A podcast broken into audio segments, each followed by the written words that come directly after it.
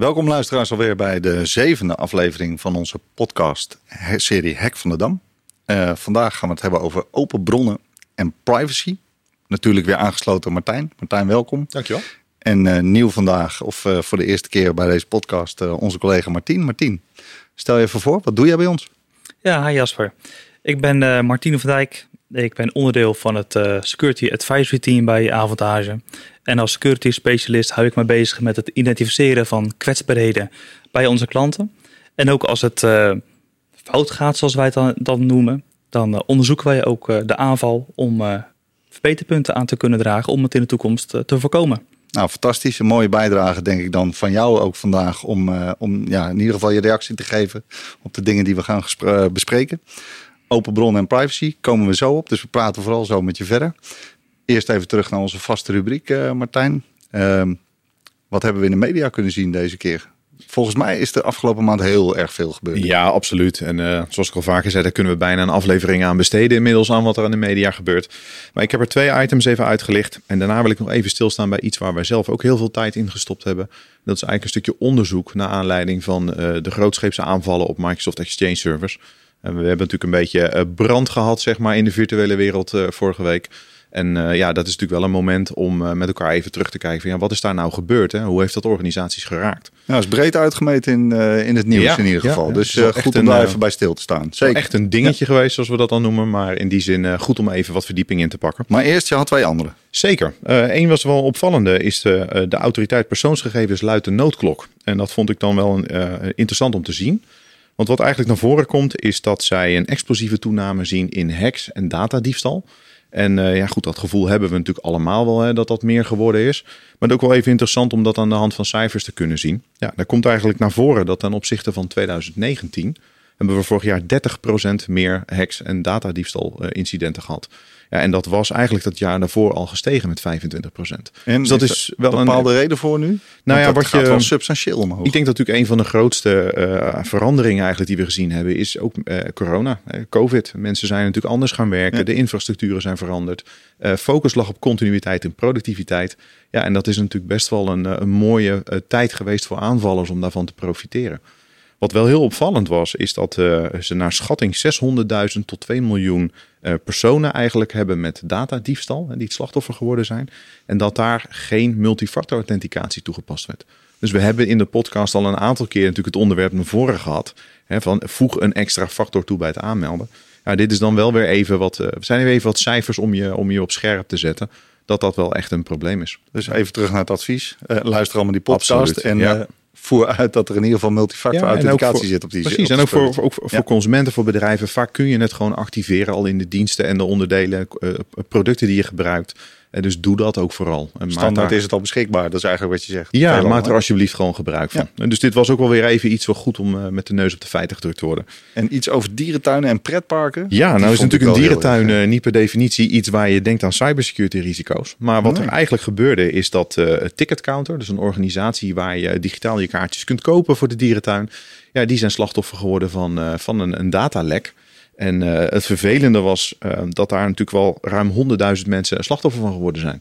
Want ja, we kopen allemaal onze kaartjes voor de dierentuin daar. En als je dan uiteindelijk daar je gegevens achterlaat, hè, denk even na wat je invult. Voornaam, achternaam, bankrekeningnummers, noem maar op, adresgegevens. Uh, dat is natuurlijk wel serieuze data die dan ineens op straat ligt. Maar dat is ook hetgene wat ze hebben buiten weten te maken. Ja, dat hebben ze buiten gemaakt. Ja, zeker. Het gaat ongeveer over iets meer dan 100.000 personen. En er stond in de totaliteit anderhalf tot 1,8 miljoen e-mailadressen. Dus enerzijds de persoonsgegevens is natuurlijk interessant voor die aanvaller.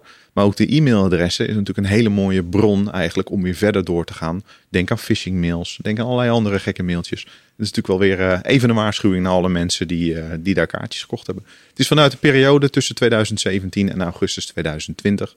Dus dat, uh, ja, ook denk ik even een goede waarschuwing. Hou er rekening mee. Lange periode, maar wat, wat, wat zeggen we hierover? Uh, weet wat je invult? Of uh, is nou, dit soort denk, dingen niet te voorkomen gewoon? Nou, kijk, in dit geval vul je natuurlijk je gegevens in. En je gaat ervan uit dat een organisatie daar zorgvuldig mee omgaat. dat is natuurlijk iets waar we allemaal gewoon niet bij stilstaan. Als je op die knop invullen en kaartjes bestellen klikken. Dat is misschien ook waarom we het onderwerp even wat verder ingaan op open bronnenonderzoek en data, privacy. Uh, ja, iedereen heeft dat netjes ingevuld, kaartjes gekocht, stond daar niet bij stil, is naar de dierentuin gegaan. En nu zie je eigenlijk dat er best wel veel van jou op straat is komen te liggen.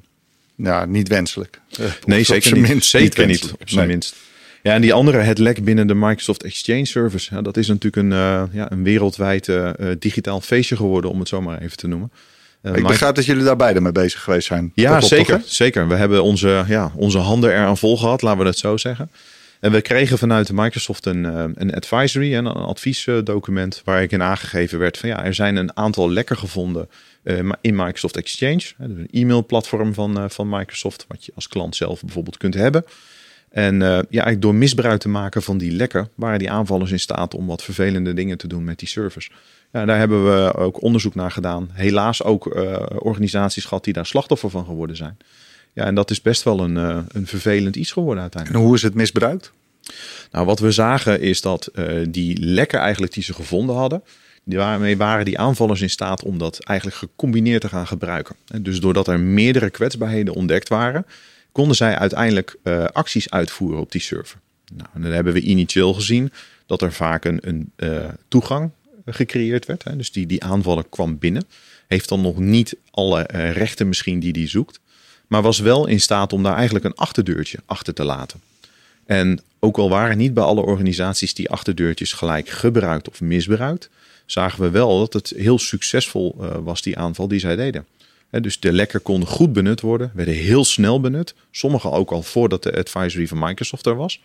Ja, en daarmee hadden ze eigenlijk die aanvallers een, eh, een deurtje, een achterdeurtje klaarstaan om volgende fases eh, door te breken in die aanval. En je hebt het natuurlijk ook al eerder over gehad, hè? dat eh, hackers in ieder geval proberen op een bepaalde manier binnen te komen. Dus in dit geval zeg je ook, ze hebben een lek gevonden, Ja. misbruikt of gebruikt, hè? noem het maar. Misbruikt. Laten we het toch maar misbruiken noemen.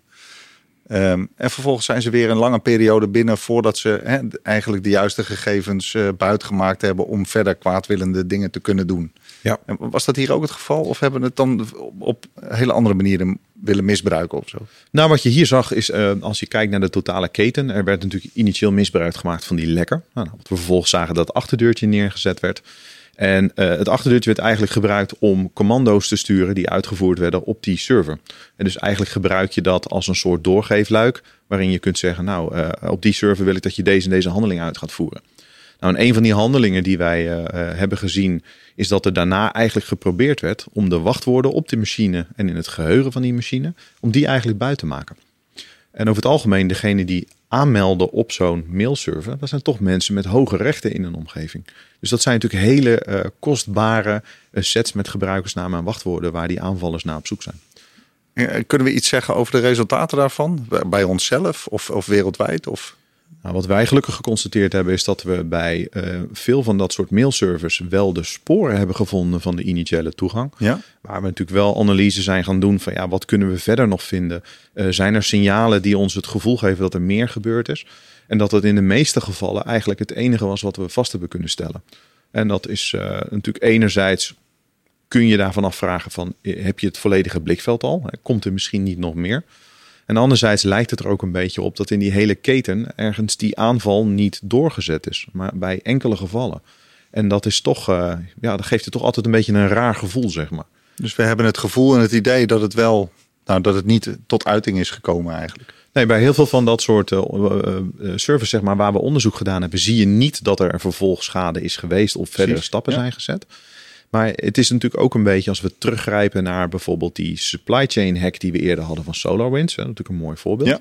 Dan zag je dat natuurlijk heel lang in die periode daarna nog steeds nieuwe informatie naar boven kwam. En dat is toch altijd iets wat een beetje in je achterhoofd blijft zitten, ook bij dit soort aanvallen. Dus nu is het nog steeds afwachten en zeer goed in de gaten houden of er toch iets mis zou kunnen gaan nog. Maar we weten het op dit moment niet. Kijk, het voordeel is, we hebben ook onderzoek gedaan naar een machine waar wel echt eh, actief misbruik op gemaakt werd. Ja? Eh, en daar haal je natuurlijk ook weer wat ervaring en kunde uit, die je weer kunt gebruiken om op die andere servers eigenlijk te gaan zoeken of je dezelfde sporen vindt. En dat is natuurlijk vaak wel weer een hele waardevolle informatie om verder te kijken. Eh, kunnen we dit voorkomen? Was dit te voorkomen? Eh, hadden we iets moeten doen? Nou, het lastige is in dit soort gevallen is wij, eh, Microsoft heeft natuurlijk het op een gegeven moment bekendgemaakt dat het lekker was en heeft ook een update vrijgegeven. Eh, wij zijn natuurlijk die updates gaan installeren bij, eh, bij organisaties. Hè, want dat was wel echt een aanbevolen update buiten de reguliere cy- cyclus om. Dus ook snel doorgevoerd. Ja, dat is natuurlijk een kritische Ja. update. Het doel is ervan Ja. ook zo snel mogelijk doorvoeren. En wat je eigenlijk zag, is dat bij sommige van die servers er al sporen van misbruik waren. Natuurlijk voordat de patch beschikbaar kwam. Ja, en uiteindelijk blijkt hier in september vorig jaar al dit lekker al gemeld te zijn of gezien te zijn. Ja, en dan ben je natuurlijk eigenlijk als, ja, in dit geval als, als verdediging, überhaupt al te laat. Eigenlijk wel, maar toch, en dat is dan wel een misschien fijn gevoel dat er niet te veel buitgemaakt lijkt te zijn. Dat is één. We hadden wel een machine die natuurlijk actief onder aanval was. En daar hebben we natuurlijk ook wel weer wat interessante feiten uit kunnen halen. Uh, onder andere bijvoorbeeld, en dat is ook iets wat we vaak in de podcast al naar voren gehaald hebben, is dat traditionele antivirus eigenlijk niets deed bij de initiële infectie van deze server. Hij heeft het niet gevonden, heeft niet gedetecteerd en heeft ook geen alarm geslagen. Nee, en daar zie je dat de aanvallers eigenlijk een, een, een tactiek gebruiken door uh, dat soort kwaadwillende code eigenlijk niet meer te starten vanaf de machine, maar in het geheugen uit te voeren. Mm en bij de servers waar wij daarna bijvoorbeeld extra detectie hebben geïnstalleerd, hè, we hebben hem eerder al gehad, Endpoint Detection and Response uh, waren we wel in staat om dat soort signalen op te vangen. Dus ook hier zie je weer, hè, veranderend aanvalslandschap houdt ook in dat we aan de verdedigende kant andere stappen moeten zetten. Maar de traditionele antivirus uh, zag dat in dit geval niet. Dus wederom, ook hiervoor geldt, blijkt toch even niet voldoende. En uh, ja, additionele maatregelen zijn dus blijkbaar toch nodig. Uh, absoluut. wat we bij die machine echt onder actieve aanval ook zagen, is dat daar nog wat uh, signalen waren dat de aanvaller ook wilde proberen daar langer te blijven. Mm -hmm. Dat is misschien iets waar Martien, jij hebt daar natuurlijk ook naar gekeken, hè, wat van, de, van die geplande taken die verstopt zaten. Misschien kun jij daar iets aan, uh, aan toevoegen nog? Ja, klopt. Je haalde net al, al EDR aan. En we zagen inderdaad ook op een server op een gegeven moment in het geheugen, nadat wij alle sporen hadden opgeruimd, uh, dat EDR toch uh, een, een, detectie had uh, gedaan, een melding, een melding gaf. Dat er een, een script werd uitgevoerd in het, in het werkgeheugen om een, alsnog een verbinding te creëren naar de server van de aanvaller. En na wat verder onderzoek kwamen we er inderdaad achter dat, um, dat er ergens een taak aanwezig was. De taak was ook door EDR in dit geval gedetecteerd. Alleen was de taak niet direct vindbaar. Nou, dat uh, was een flinke zoektocht uh, voor ons, uh, Martijn, om die taak uiteindelijk te gaan vinden. En nou ja, je kijkt dan de normale manieren, de taakbeheer en dergelijke. En op wat andere plekken op de server waar die taak zou kunnen staan. Nou, uiteindelijk bleek dat het een, een taak was die was aangemaakt. Die was een soort manier van onzichtbaar gemaakt door de, door, de, door de aanvaller. Om er ook voor te zorgen dat het Blue Team in dit geval, de onderzoekers, dat die moeite moesten doen om de taak te vinden. En uiteindelijk was het een flinke zoektocht in het Windows-register. En daar konden wij de taak eh, vinden. Hij was niet meteen leesbaar. We moesten hem nog uh, uh, decoderen, zoals het dan, dan heet, om hem leesbaar te, te, maken voor ons. En uiteindelijk hebben we ook op die manier de taak gevonden en verwijderd. En daarmee. was de server weer schoon, zeg maar? Ja, nog één keertje de server herstarten, zodat ook echt het werkgeheugen helemaal leeg is. En dan ben je klaar. Dan heb je hem. maar er is erg veel moeite gedaan dan om, uh, om van dit lek gebruik te maken. Ja, maar het ja. voordeel is natuurlijk ook doordat uh, uh, eigenlijk bekend was hoe het lek gebruikt werd. en het kost altijd tijd voordat organisaties gaan updaten. Ja. Ik bedoel, in dit geval, je kunt er snel bij zijn. Maar we zien nog steeds dat heel veel organisaties daar soms gewoon niet adequaat op reageren. Ja, en dan is het in dit geval schering en inslag. Want dit soort aanvallen worden gewoon geautomatiseerd ingezet. En uh, ja, dan is het gewoon proberen. En is het een mailserver, dan is het raak. Gewoon met hagel schieten en ja, uh, ergens landt het wel een keer. Ja. ja. Wat wel leuk was, is dat de geplande taak eigenlijk op ons uh, pad kwam.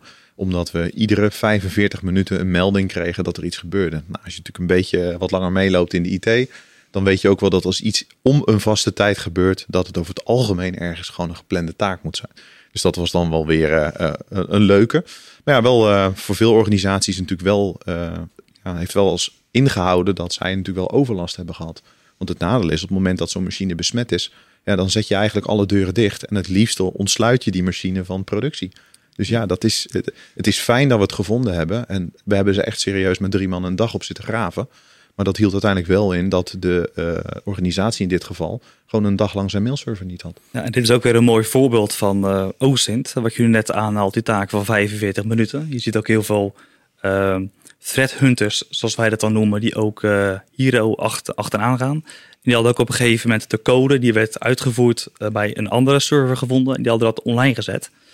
En via die code zagen wij weer dat die 45 minuten uh, uitvoertijd ook weer bij ons terug, terugkwam. Dus op die manier konden wij ook detecteren van, hey, wat nou bij ons gebeurt, gebeurt ook bij andere organisaties. En op die manier was het voor ons ook nog wat eenvoudiger om die taak uiteindelijk ook uh, te vinden. Want we konden ook in die code ook exact zien hoe die taak was opgebouwd. Zodat we ook naar die sporen daarvan konden gaan zoeken. Dus dat, je kan wat gerichter zoeken. En je hebt het daardoor ook mede kunnen vinden. Ja, klopt. Dat heeft ons wel inderdaad geholpen in het snelle vinden van als advies, patchen updaten hoor ik. Uh, misschien wat additionele software uh, toevoegen om uh, endpoint detection en response. Hebben we het ook al vaker over gehad. Maar dat komt toch steeds weer terug. Hè? Laten we nou dat advies, dat moet men toch nu zo langzamerhand wel eens overnemen. Ja, maar ik denk ook dat dat wel, je, je, kunt patchen updaten. Kijk, het nadeel is op het moment dat de patches vrijgegeven worden en de updates, dan is het lek er natuurlijk is al bekend. En dan loop je natuurlijk altijd achter de feiten aan. En soms betreft dat een lek wat in, wat in een organisatie zit. Nou, dan is het soms wat minder kritisch. Maar in dit geval natuurlijk zo'n mailserver, ja, die communiceert met het internet. Dus is gelijk toegankelijk voor die aanvallen. Ja, en dan was dat bijna niet te voorkomen, dit. De initiële toegang misschien niet, hè, dus misbruiken van het lek. Maar de detectie, hè, dus als je preventie faalt, wil je zo snel mogelijk die detectie klaar hebben. Ja, en daar zijn uh, methodes zoals endpoint detection en response wel hele goede oplossingen voor. En uh, het eerste wat wij ook gedaan hebben bij de machines die geïnfecteerd waren, is die software geïnstalleerd. Want dan is het eigenlijk de enige manier om goed zicht te houden wat er gebeurt. Nou, ik denk uh, vinger aan de pols blijven houden, ook voor de nabije toekomst, om te kijken naar wat er eventueel nog extra gebeurt bij die machines. Het maar dat doen we natuurlijk dit jaar, denk ik. Nee, we hebben nog even te gaan voor het einde van het jaar. En ja. nou, als dit soort dingen vaker voorkomen, dan is het alleen met adviseren dat we nou ja, in ieder geval scherp blijven. Ja. En belangrijk dat wij zo'n Security Advisory Center hebben opgericht. Want daar kunnen we natuurlijk altijd terecht voor advies. Absoluut. We gingen het dit keer hebben over de uh, ja, security rondom uh, socials. Uh, OSINT, je zei het al net even, Martien. vorige keer in aflevering 4, meen ik, hebben we het al gehad over de cyber kill chain. En ook daarvan blijkt dat dat een onderdeel ervan is. Die hackers die gebruiken dat OSINT blijkbaar. zijn daar voorbeelden van? Nou, dat mooie natuurlijk, hè, we hebben die, die uh, cybersecurity kill chain eigenlijk bekeken. Dat was natuurlijk Bert van F-Secure was natuurlijk hier. En daar kwam het ook naar voren. En eigenlijk de allereerste fase, de reconnaissance fase, ja, daar zie je natuurlijk dat zo'n aanvaller allerlei informatie gaat verzamelen om zijn aanval voor te bereiden. En dat is eigenlijk, als je het kijkt in de hele keten, misschien wel de allerbelangrijkste schakel in, in die aanval je moet weten uh, wat dus mijn doelwit, hoe kom ik erbij, wat heeft hij aan poorten, wat kan ik voor informatie vinden. En daar zie je dat OSINT, uh, natuurlijk het Open Source Intelligence, eigenlijk gebruik maakt van open bronnenonderzoek om je voor te bereiden op zo'n aanval. Dus we, we, noemden hem in de reconnaissance fase, hè, daar kwam hij al even naar voren. Maar ik denk ook dat het leuk is dat we nu wat dieper in kunnen gaan op wat OSINT zelf is. Ja, wat is jouw beeld daarbij Martien? We, we hebben het over die open bronnen. Hoe zie jij dat? Nou, die open bronnen uh, die die aanvallers gebruiken om een, om een onderzoek uit uh, te voeren. Kijk, dat is niet alleen internet. Het gaat natuurlijk veel breder. Maar in de primair uh, zal hij zich uh, gaan focussen op het, op, het, op het internet. Kijk naar sociale media's. we hebben tegenwoordig allemaal een social media account op die diverse platformen. En dat is voor een, een aanvaller is dat heel erg interessant om een, om een blueprint te gaan maken van de organisatie, hij kan uh, de, de website controleren. Welke producten staan erop? Wat is uh, interessant? Via uh, sociale media. Welke medewerkers werken daar? De relaties kan die ook gaan leggen.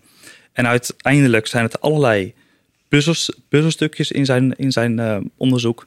En voor een aanvaller is het juist als je al die data, al die informatie die je kan verzamelen, als je dat bij elkaar kan leggen, je, je kan het analyseren en je kan die data ook weer met elkaar correleren. Het is net als een puzzel. Als je puzzel hebt is mooi, maar als je hem inlegt, heb je pas echt een puzzel. En als je dat ook kan met, met informatie, dan heb je echt een hele goede informatiepositie. En dat is voor een, eh, een aanvaller heel erg eh, belangrijk en eh, relevant, voordat hij aan de slag gaat met zijn target. Maar OSINT wordt natuurlijk dan niet alleen gebruikt door, uh, door hackers, maar ook andere partijen uh, zien we wel eens uh, die daarmee bezig zijn. Politie, onderzoek, andere onderzoekpartijen. ik ken Bellingcat bijvoorbeeld, MA17. Is dat ook een, een voorbeeld daarvan?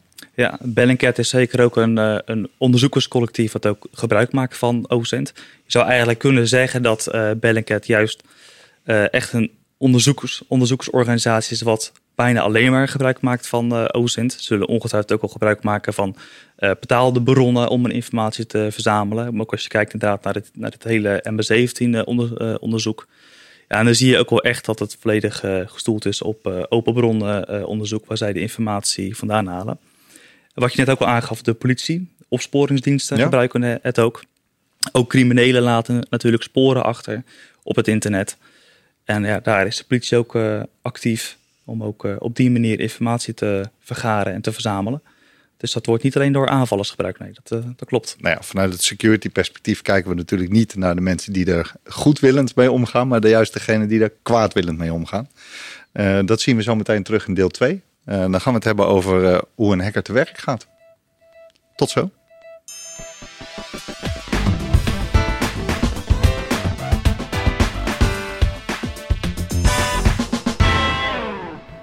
Luisteraars, welkom terug bij deel 2 van onze podcast. Wij eh, gaan het nu hebben over eh, hoe een hacker nou eigenlijk echt te werk gaat bij dat open bronnenonderzoek. Hoe ziet zo'n eerste stap eruit? Martien. Nou, wat een eerste stap zou eh, kunnen zijn, we hadden het net al eventjes over sociale media. Ja. Nou, als een aanvaller een specifieke organisatie wil aanvallen, dan zou zijn eerste stap kunnen zijn, ik ga kijken op LinkedIn. Welke medewerkers werken daar allemaal? Als er ook eh, eh, technische medewerkers aanwezig zijn, zoals van de IT, welke certificering hebben ze? Want een certificering, een technische certifi- certificering, dat laat wat zien van welke soort infrastructuur bij die organisatie eh, gebruikt wordt. Gebruiken ze specifieke pro- producten? Zitten daar ook kwetsbaarheden in waar je dan op kan gaan zoeken? En wij zijn er altijd wel trots op, toch? Om even je certificering tentoon te spreiden op LinkedIn bijvoorbeeld. Juist, tuurlijk, we zijn er allemaal trots op.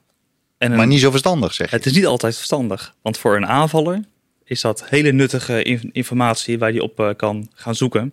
Hij kan ook eh, eh, bij die medewerkers verder daarop gaan inzoomen. Zoals ik net ook aangaf, de relaties leggen tussen medewerkers. Ook tussen, leveren, tussen leveranciers en toeleveranciers. Hij kan echt een, een hele eh, blauwdruk maken van, joh, welke medewerkers werken daar? Wat zijn de functies van de medewerkers? Eh, maar dat niet alleen, wat posten ze ook? Is er een migratie aan de, aan de gang? Ja. Waarom zou dat belangrijk zijn? nou, wat heel erg interessant is, als een eh, organisatie een migratie uitvoert naar bijvoorbeeld een nieuw pro- product, is dat ook voor de medewerkers is dat nieuw. En dat zou natuurlijk een heel mooi doelwit kunnen zijn voor een phishingaanval. Iedereen is nog een beetje onwennig en krijgt toch ineens maar een mailtje. Ja, geen idee, ik, je klikt er maar op.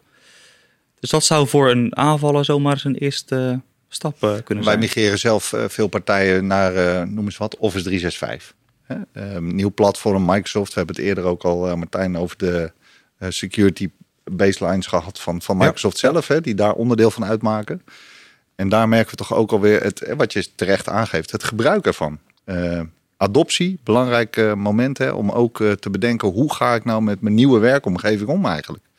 Dus dat is wat je zegt op het moment dat we dat publiceren op de openbare bronnen.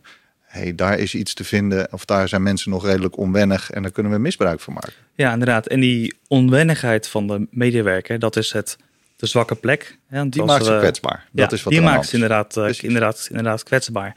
En dan verschuif je eigenlijk al in je onderzoeksfase ook al naar een stukje eh, social engineering. Hè, want dat is wat je dan eigenlijk ook nog eens aan het doen bent eh, via een phishing, eh, eh, via phishing aanval. En dan val je eigenlijk inderdaad op die informatie die je uit die openbare bronnen hebt weten te vergaren. Kan je dus de zwakke plekken identificeren bij de medewerker en daarop inspelen. Maar dat is natuurlijk ook een goudmijn, ook als je kijkt naar LinkedIn. Ik bedoel, want we weten voornaam, we weten achternaam, we weten waar je gewerkt hebt. En, en we kunnen ook zien waar je misschien wel collega's geweest bent. Ja, en dat is natuurlijk hele interessante informatie. Martien haalde het net al mooi uit. Eh, er was op een gegeven moment ook een, een, een casus waar je zag dat een bedrijf aangevallen werd. eh, omdat de aanvallers precies wisten wat voor soort firewall ze hadden. Want alle medewerkers van die organisatie waren gecertificeerd op dat ene product. Ja, en dat maakt het natuurlijk heel makkelijk in je profilering om al te weten, oké, gezien het feit dat ze allemaal gecertificeerd zijn voor een specifiek merk, specifiek product, ja, dan is de kans natuurlijk wel heel groot dat je dat product eh, zult vinden om de linie te verdedigen. En dan het, onderzoek daaromheen, wat je dan uitvoert, is echt specifiek naar dit soort ja, informatie eigenlijk graven totdat je, hè, wat jij zegt, die blauwdruk compleet hebt. Ja, en dat is wat, wat Mar- Martien net ook al zei. Er is natuurlijk heel veel informatie te vinden. Eh, en je moet ook oppassen dat je niet een beetje verdrinkt in de informatie. Dus op een gegeven moment is het het aan elkaar relateren, correleren. Is natuurlijk wel heel belangrijk. Je Want- moet wel weten waar je naar op zoek bent. Precies, uiteindelijk wil je natuurlijk wel dat het bijdraagt aan hetgene waar je, eh, je be- jezelf mee bezig wil houden. Hè. Dus moet je doel helpen. Ja, en dan is het ook nog een keer het kunnen analyseren en goed gebruiken van die informatie. Maar ja, het zijn natuurlijk wel goudmijntjes op zich allemaal. LinkedIn is vast niet de enige. Er is veel meer op social media beschikbaar natuurlijk. Ja, er is uh, veel meer uh, beschikbaar. Nou, je zou bijvoorbeeld vanaf LinkedIn, als je de gebruikersaccounts gevonden hebt, dan is in de, in de URL-balk ook de gebruikersnaam zichtbaar. En vanaf die gebruikersnaam kan je ook weer verder roppen. Die kan je in de diverse open bronnen tools gooien. die weer geautomatiseerd verder onderzoek uitvoeren voor wat jou. Wat voor tools hebben we het dan over? Nou, je hebt bijvoorbeeld over een, een tool, The Harvester. Die kan al helemaal geautomatiseerd voor jou een complete overzicht van alle medewerkers maken die voor die organisatie werken vanaf LinkedIn. En dan kan je een volgende stap maken naar een tool uh, Sherlock, waar je dan met de gebruikersnaam, als je die aan die tool geeft, dan gaat hij onderzoeken of op welke sociale media platformen die, die gebruikersnaam ook nog eens, ook nog eens, nog eens voorkomt. Wat daarnaast nog heel erg interessant is, en dat is ook een, een veel gebruikte bron, zijn wachtwoordbreaches en datalekken. Ook die Medewerkers hebben ook privé-e-mailadressen of hun zakelijke e-mailadressen, die zij ook gebruiken voor andere platformen. Nou, als dat platform slachtoffer is geweest van een datalek, zou het ook mogelijk een wachtwoord op, op straat kunnen liggen. En wie weet wordt dat wachtwoord ook misschien wel gebruikt voor het LinkedIn-account of erger nog voor het bedrijfsaccount. Kortom, met die gegevens is het heel makkelijk om, om ja. al je platformen binnen te komen. Nou, dat is natuurlijk ook vaak een soort aanname, hè? dat wachtwoorden altijd gehackt worden. Ja. Maar voor zo'n uh, voor zo'n aanvaller zijn natuurlijk heel veel bronnen die je kunt bevragen, waar je die gelekte wachtwoorden gewoon in terug kunt vinden. Ja, formeel heb je het dan over een open bron. En dat is natuurlijk ook de vraagstukje, mag je die data hebben en zoeken? Het is gewoon data die natuurlijk gewoon op het internet gepubliceerd is. Dus het valt wel op die manier onder open brononderzoek. Hebben we het dan ook over die uh, gegevens die op internet beschikbaar zijn? Of dat je gehackt bent en uh, de wachtwoorden die daar aan de grondslag ja, liggen ja. van hé, hey, laten we die eens misbruiken. Of kijken of dat werkt ook op andere platformen. Precies, en dat zie je natuurlijk vaak. Hè, want zo'n aanvaller hoeft eigenlijk nog niets te doen met, met het doelwit zelf. Dit is allemaal nog vergaren van dit soort randinformatie eromheen. Dus op het moment dat je van iemand al weet dat hij zes keer ergens uh, onderdeel was van een uh, gelekte database met wachtwoorden. En alle zesde keren had hij hetzelfde e-mailadres en hetzelfde wachtwoord. En dan is natuurlijk een grote kans dat dat nog wel een herbruikbaar stukje informatie is voor de toekomst.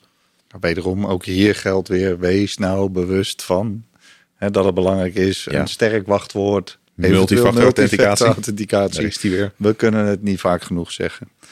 Um, zijn er nog andere voorbeelden die je kan noemen? Martijn, heb jij nog voorbeelden? Nou, wat je natuurlijk wel ziet is dat uh, er zijn nog legio tools die dit voor je kunnen doen. Hè? Want we moeten natuurlijk ook zo eerlijk zijn. Dat doet zo'n aanvaller. Gaat daar niet met het handje zitten graven. Heel veel informatie wel. Het is natuurlijk met hand op te zoeken. Maar heel veel tooling helpt je daar gewoon. Dus wat Martien ook aangeeft. Soms is het zo simpel als een organisatienaam ingeven. En die tooling spoegt gewoon een lijst uit. Met voornaam, achternaam, e-mailadres, functie en misschien wel oude werkgevers. Dat dit maakt natuurlijk een enorm krachtig uh, stukje software. Ja, en daar zijn inmiddels, nou, ik denk wel honderden tools die dat voor je kunnen doen. Dus het wordt ook voor eigenlijk iedereen steeds makkelijker om gebruik te maken van die informatie. Een van de mooie voorbeelden is misschien uh, een, een, platform wat je wel vaker hoort, is Shodan bijvoorbeeld. En, Shodan is eigenlijk, uh, we noemen het wel eens het Google voor apparaten. En dat is een zoekmachine waar je gewoon kunt zeggen, ik heb hier een IP-adres of ik zoek specifiek een webcam van een bepaald merk. En dat zijn eigenlijk zoekmachines die jou die informatie gelijk kunnen verschaffen. Dus ik hoef niet op zoek te gaan bij een organisatie uh, door actief aan te vallen. Wat hebben ze allemaal? Wat bieden ze aan? Maar ik heb gewoon een zoekmachine waar ik die vraag aan kan stellen. En dan kan ik zeggen, geef mij alle uh, webcams die aan het internet verbonden zijn uh, van deze leverancier en merk, waarvan ik weet dat er een kwetsbaarheid in zit. Dus ik heb in theorie nog niets gedaan in mijn aanval waar ik risico mee loop. Ik maak alleen nog maar gebruik van die openbare bronnen. Maar dit is eigenlijk al heel makkelijk voor iedereen toegankelijk, want dit wordt gewoon Precies. gepubliceerd op internet. Op. Dit is ja, en 9 van de 10 keer hè, zijn ook gratis diensten die je kunt gebruiken. Heel soms kun je voor een paar tientjes per jaar gewoon toegang krijgen tot een platform die je deze informatie verschaft. Hè, want het, het, is natuurlijk ook heel veel van dit soort uh, platformen zijn vanuit de verdedigende kant worden die aangeboden. Hè, vanuit het gevoel, jij kunt deze informatie gebruiken om jezelf te beschermen. Het heeft natuurlijk ook de keerzijde dat die aanvallers ook die paar tientjes neerleggen. En dan eigenlijk zeggen het dus prima, ik gebruik dit mooi als platform om die informatie te halen. Nou, het feit dat het allemaal bekend is, is natuurlijk ook weer een, een hele goede bron eigenlijk om je aan de andere kant er ook heel goed tegen te kunnen bewapenen dan. Ja, dat heeft natuurlijk allemaal te maken met bewustzijn. Kijk, als je niet weet dat het er is, is het ook heel lastig om het risico op de kaart te zetten dat je er iets mee moet. En dat zie je nu met open brononderzoek. Dat wordt ook steeds populairder. Heel veel organisaties laten dat ook doen, zodat ze inzicht hebben in van ja, wat, wat is er bekend van het aanvalsoppervlak van mijn organisatie? Van mijn mensen, van, van mijn systemen, eh, van misschien apparaten of diensten die ik gebruik. En dat wordt eigenlijk ook steeds meer een, eh, een dienst die organisaties inzetten om inzicht te krijgen. Het zou ook goed zijn eigenlijk om eh, vanuit je beleid hier over iets, ja, in ieder geval met je medewerkers af te spreken dan. Ja, absoluut. Als het gaat om het delen van informatie, daar zit natuurlijk beleid speelt daar een hele grote rol in. Uh, maar dat zijn inderdaad wel onderwerpen die eigenlijk op de agenda zou moeten hebben staan. Nou, volgens mij een mooi bruggetje naar deel 3 van deze podcast. En uh, dan kijken we naar de veiligheid van jouw identiteit. En wat dat betekent dan voor een organisatie.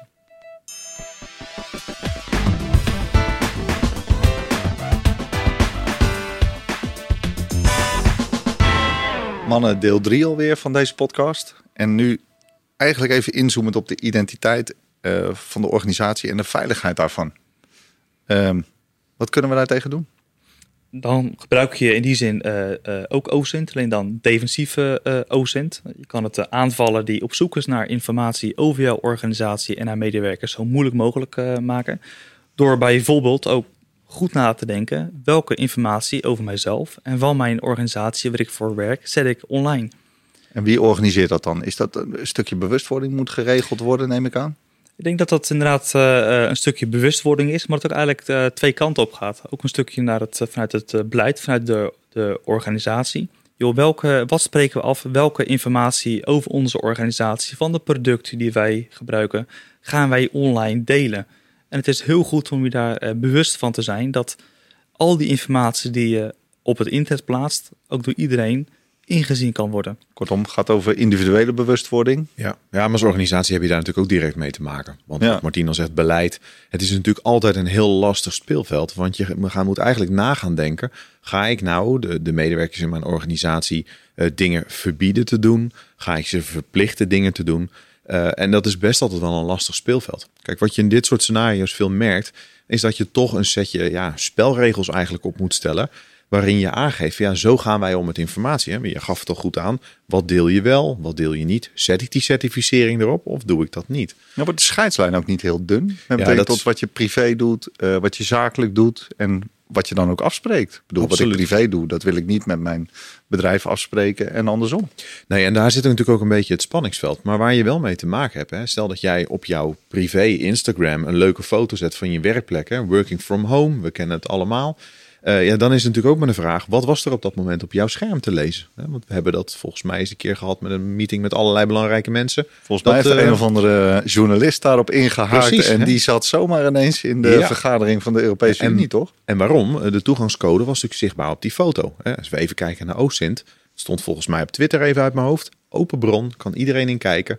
Dus daar was wel hele kwetsbare informatie. Ja, daar was iemand niet heel erg scherp op bewustwording. Nee, daar zat, wel een, uh, daar zat wel iets tussen. Maar daar zie je natuurlijk ook, je geeft het terecht aan een spanningsveld. Want daar zie je misschien iemand zijn privé Twitter, maar waar je wel zakelijke impact hebt.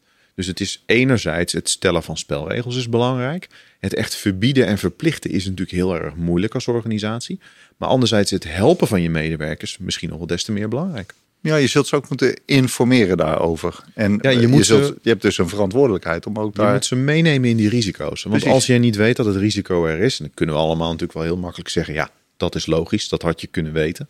Maar zo simpel is het natuurlijk niet. Dus je zult ook mensen mee moeten nemen. Neem het een stukje security awareness, een stukje training, informatievoorziening. dat is echt wel een belangrijk onderwerp.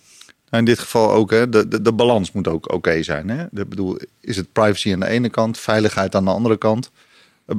Hoe balanceert dat? Nou, die twee zaken gaan uh, eigenlijk een soort van hand, in hand. Als je zorgt namelijk dat uh, hoe minder informatie jij online deelt, ook hoe minder informatie jij over jezelf beschikbaar stelt via allerlei apps, ja, hoe minder ook over jou te vinden is in, in openbare bronnen. We hadden net eventjes over het veilig houden van een, een organisatie.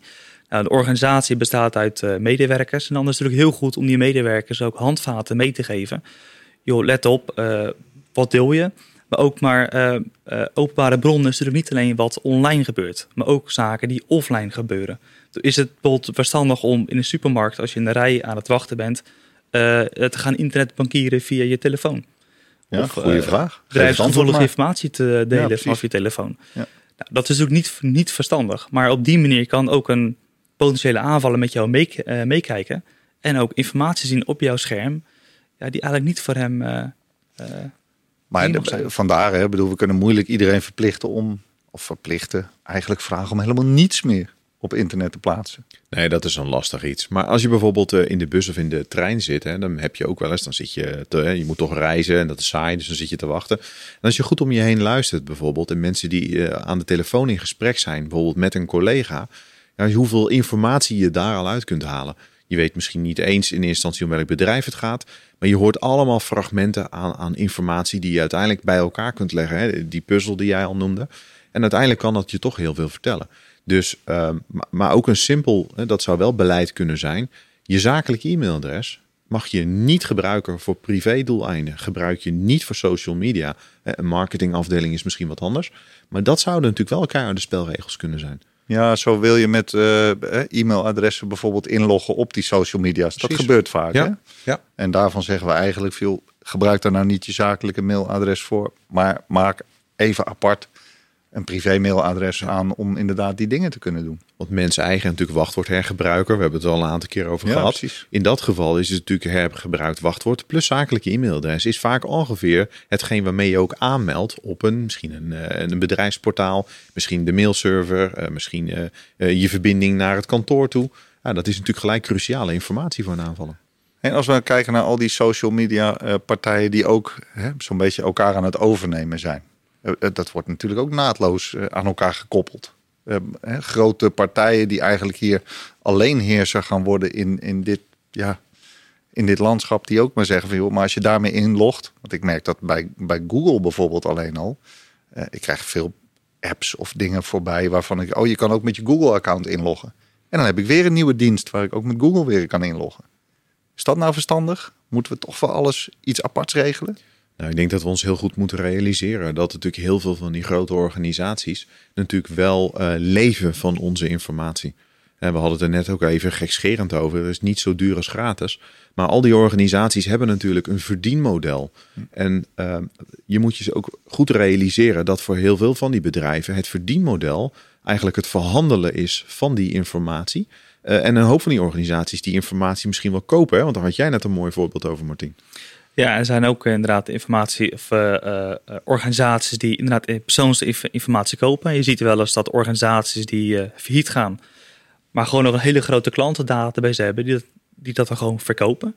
Dus dan wordt er gewoon jouw persoonlijke informatie, hè, misschien ook al, misschien zit er ook wel je politieke voorkeur in, wat, wat er gewoon verkocht wordt aan een andere organisatie. En zo zie je dat jouw persoonsinformatie echt gewoon geld waard is. Daar heb ik niet echt bewust voor gekozen natuurlijk om die informatie te laten delen. Want die registreer ik ergens. En nee. die wordt dan vervolgens toch bij partijen bekendgemaakt waarvan ik misschien wel helemaal niet wil dat dat daar bekend is. Dat is wat je zegt. Ja, dat is inderdaad zo. En dat, dan kom je eigenlijk een beetje op het privacybeleid van zo'n organisatie of van een app die jij installeert. Bij heel veel uh, uh, apps of organisaties, als je privacybeleid uh, leest, dan ga je dus akkoord met het privacybeleid van op dat moment.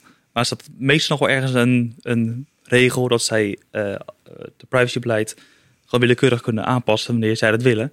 En dan ga je dus daar ook mee akkoord. Maar hier hebben we die AVG toch voor ook? Ja, we hebben daar inderdaad de AVG-wetgeving -wet, uh, voor. En de organisaties moeten zich ook aan die AVG-wetgeving houden. Maar je ziet ook wel in de praktijk dat het nogal ja, weer barstig is. Omdat er ook altijd nog wel een soort van grijs uh, gebied aanwezig is. Toch een beetje schimmig. Ja, het is toch een beetje schimmig. En dan zie je toch wel dat organisaties. Nou, je haalde net eventjes Google aan. Ja, die gebruiken natuurlijk ook jouw persoonsinformatie. Ja, ga jij maar controleren of zij zich aan die AVG-wetgeving houden. Die clubs worden zo verschrikkelijk eh, groot. Ja. En die zullen ongetwijfeld ook wel hun best doen om zich daar aan te houden. Maar in de praktijk is het nogal weer barstig om dat echt eh, handen en voeten te geven. Blijkt toch moeilijk. Ja, en het is natuurlijk ook, hè, eh, zij moeten zich eraan houden. Maar ja, wat nou als ze dat niet doen?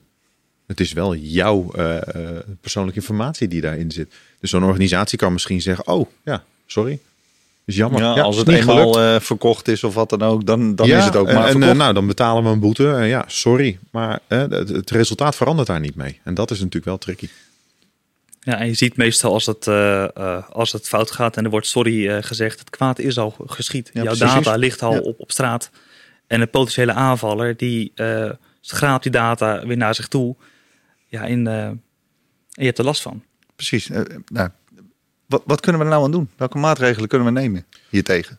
Nou, ik denk als organisatie, hè, we, eh, het defensieve OSINT, hè, dus zelf dat open eh, bronnenonderzoek doen of laten doen, is natuurlijk een hele mooie methode. Hè, want dat geeft je ook inzicht in waar hebben we het over. Anderzijds denk ik dat beleid een goede methode is. Hè, want een help ook je eh, medewerkers in een organisatie wat, wat spelregels mee te geven, hoe ze daarmee om moeten gaan. Even je- terug, je zegt open, bronnenzoek, on, eh, open bronnenonderzoek doen hè, zelf. Eh, dan gaan wij onderzoeken wat onze medewerkers allemaal plaatsen op het internet. Nou, het is meer ook, je, dat zou je kunnen doen. Anderzijds kun je ook zoeken van ja, wat is er nou? Het begint misschien bij je kerninfrastructuur. Eh, eh, wat is daar nou van terug te vinden? Wat, wat kan ik vinden op basis van mijn naam en mijn IP-adres in van die speciale zoekmachines? Of in van die stukjes software? Wat zie ik nou in de, in de kern al van zaken waar ik iets mee kan doen? De medewerkers is natuurlijk altijd weer een lastig gebied. Maar bijvoorbeeld eh, LinkedIn. Het kan wel zijn dat je daar constateert dat we inderdaad die certificeringen misschien wel delen. En dat we eigenlijk moeten zeggen, jongens, wees je nou bewust daarvan. Want verbieden, ik denk niet dat daar de oplossing in zit. Ik denk dat het vooral zit in het creëren van awareness bij mensen. Van joh, weet nou dat dit gewoon een, een manier is dat er misbruik gemaakt wordt van wat jij met alle goede bedoelingen daar neerzet. Maar dus even teruggrijpend naar die scheidslijn, die is heel dun. Hè? Tussen Ja. privé, wat wil ik delen, wat wil ik niet Ik denk delen. dat je daar moet helpen als organisatie. Ja, een plek waar je denk ik wel wat restrictiever in kan zijn, eh, is bijvoorbeeld eh, neem eh, je hebt een zakelijk toestel. Hè, dat is een, een toestel van het bedrijf misschien wat jij krijgt. Ja, wat jij op dat toestel zet. Hè, we hadden het net even gratis apps. Weet je wat er met je data gebeurt? Waar hebben we het over? Niet, niet per se een PC, toch? nee, maar bijvoorbeeld telefoon. gewoon een eh, mobiele telefoon. Hè. Misschien dat de kinderen daar eh, een leuk spelletje op zetten. Of je zet er zelf eh, je- Facebook op, want het is handig. Als je dan eens een berichtje wil sturen naar iemand. Maar dat zijn natuurlijk wel plekken waar je als organisatie beleid op kunt voeren. Op die devices die van jou zijn. Hoe er omgegaan wordt met misschien dat soort apps installeren. Nou, want daar wel- zit natuurlijk een serieus risico. Precies. Dit is wel heel interessant. Hè? Want Al, al veelvuldig in het nieuws hoor je dat inmiddels. WhatsApp, is dat nou veilig, bijvoorbeeld? Kijk, als je naar WhatsApp zelf kijkt, kijk de inhoud van WhatsApp. WhatsApp zegt altijd: eh, wij zijn eh, veilig. Wij kunnen jouw berichten niet lezen. In de kern niet. is dat ook zo, want die berichten zijn ge- geëncrypt, eh, versleuteld. Ja. Dus die zijn inderdaad niet, niet leesbaar. Maar die, die berichten zelf zijn ook niet zo heel erg relevant. Het is vooral die metadata wat heel erg rele- relevant is. Wanneer ben jij online? Met wie heb jij contact? Hoe vaak heb je met iemand contact? Wat is jouw eh geolocatie? Waar ben jij op dat moment? Dat zijn allemaal eh, stukjes informatie die eh, op zichzelf niet interessant lijken. Maar dan kom je eigenlijk weer terug op die puzzel. Uiteindelijk wordt jouw informatie vergaard in een hele grote bak. En dan wordt er datacorrelatie op, op uitgevoerd. Wat gebeurt er allemaal vanaf jouw IP, vanaf jouw gebruikersnaam? Ja, en dan, en dan wordt zeg het je nu dat juist deze items allemaal door WhatsApp verzameld worden? Dat zijn items die eh, door WhatsApp inderdaad eh, verzameld worden. En heb ik nog het wel meer, niet denk eens, ik, hè? Ja, heb ik het nog niet eens over jouw contactenlijst. Oh, Alles bedankt. wordt, eh, dus die ja. staat eigenlijk ook, eh, nou ja, want ik gebruik WhatsApp. Dat, dat moet ik nou natuurlijk nu ook niet zeggen, dan. Maar, de, dus mijn contactenlijst ligt ergens, nou op straat wil ik niet zeggen, maar is wel bekend bij WhatsApp dan. Ja, maar dan contact is vaak iets wat we dan allemaal gelijk al eng vinden. Hè? Maar, maar als je even, je zei het net Martien, denk aan je locatie waar jij je bevindt. Ja, Dan kun je zeggen, ja, ik heb niks te verbergen. Het maakt mij niet uit dat zij weten waar ik ben. Maar het grappige is, als ze weten dat ik hier ben en jij hier bent en Martien is hier, kun je natuurlijk al de relatie trekken dat wij elkaar dus kennelijk kennen. Ja. Hè, En dat wij elkaar ook eh, op dit tijdstip eh, nog zien binnen het bedrijf buiten werktijd. Dus dat zegt best wel veel eigenlijk over misschien gefragmenteerde informatie die niet interessant lijkt. Maar als je het correleert aan elkaar ineens een profiel vormt. maar dit blijft hopelijk dan bij WhatsApp en ligt niet op straat en is potentieel niet zoekbaar met al die tools die we al genoemd hebben in de eerdere delen. Ja. Je hebt natuurlijk veel meer apps, ook gratis apps die je, die je kan downloaden. En dan moet je als organisatie echt afvragen. eh, nou, mijn medewerkers geef ik allemaal een bedrijfstelefoon, maar moeten wij dan niet ook een beleid gaan voeren? Joh, welke apps gaan we toestaan en welke apps niet? En dan, dan zou eigenlijk het meest verstandige zijn alleen de bedrijfskritieke applicaties die je echt nodig hebt voor het uitvoeren van jouw werk. die installeer op je, op je telefoon. Die worden ook gecontroleerd geïnstalleerd. Maar echt allerlei gratis apps. Ja, gratis. Martijn zei net Ja, al, echt het- gratis bestaat niet. het kan je betaalt niet. uiteindelijk altijd met je privédata, met jouw persoonlijke data. Ja, en dat eh, moet je echt afvragen of je dat wil. Je ziet steeds vaker dat er gewoon misbruik van wordt eh, gemaakt. Dus dat, eh, Nou, ik vind het een goed advies. Ik denk dat we dat moeten opnemen in. eh, nou, of iedereen moet adviseren om dat in het beleid op te nemen. Ja. Zijn er nog een laatste tip? Of Ik heb hier een, ik heb hier een hele mooie tip. Eh, open bronnenonderzoek, die wachtwoordenbreaches, die kan je natuurlijk ook zelf onder, eh, onderzoeken als bedrijf zijnde. En zelf die data analyseren via software. Komen daar ook gebruikersnamen en wachtwoorden in voor van mijn organisatie, van mijn medewerkers? En zo ja, dan kan je daar preventief op, eh, op acteren. Martijn haalde net al eventjes Shodan aan. Eh, daar kan je ook zoeken op kwetsbaarheden. Maar dat is Ja. ook een stukje open bronnenonderzoek. Dat je eh, weet, nou, ik heb hier een database met allerlei bekende kwetsbaarheden in software. En via eh, kwetsbaarheidsmanagement op jouw soft- software, dat kan ook via Shodan, kan je dus identificeren, zijn mijn applicaties of services ook vanaf het internet kwetsbaar voor die kwetsbaarheden die voorkomen in die database. benaderbaar en dus eigenlijk Ja. via de methodiek ook vindbaar en, Klopt. en potentieel hackable. Want dat Ja. is natuurlijk waar we het allemaal voor doen. Dus ik denk ja, als je dat kunt samenvatten als tip, geef er, eh, besteed daar aandacht aan. Stel beleid op. eh, eh, help je medewerkers, zorg voor awareness. En ik denk dat je dan al enorme stappen kunt zetten in het veiliger maken van jezelf en je bedrijf. Bewustwording, beleid. Nou, ik denk een mooie afsluiting. Ehm Martien, hartelijk bedankt voor jouw eh, bijdrage vandaag aan deze podcast. Eh, Martijn, jou zie ik eh geheid volgende keer weer. Absoluut. En eh, dan maken we er weer een mooie aflevering van. Gaan we zeker doen. Tot de volgende keer. Tot de volgende keer.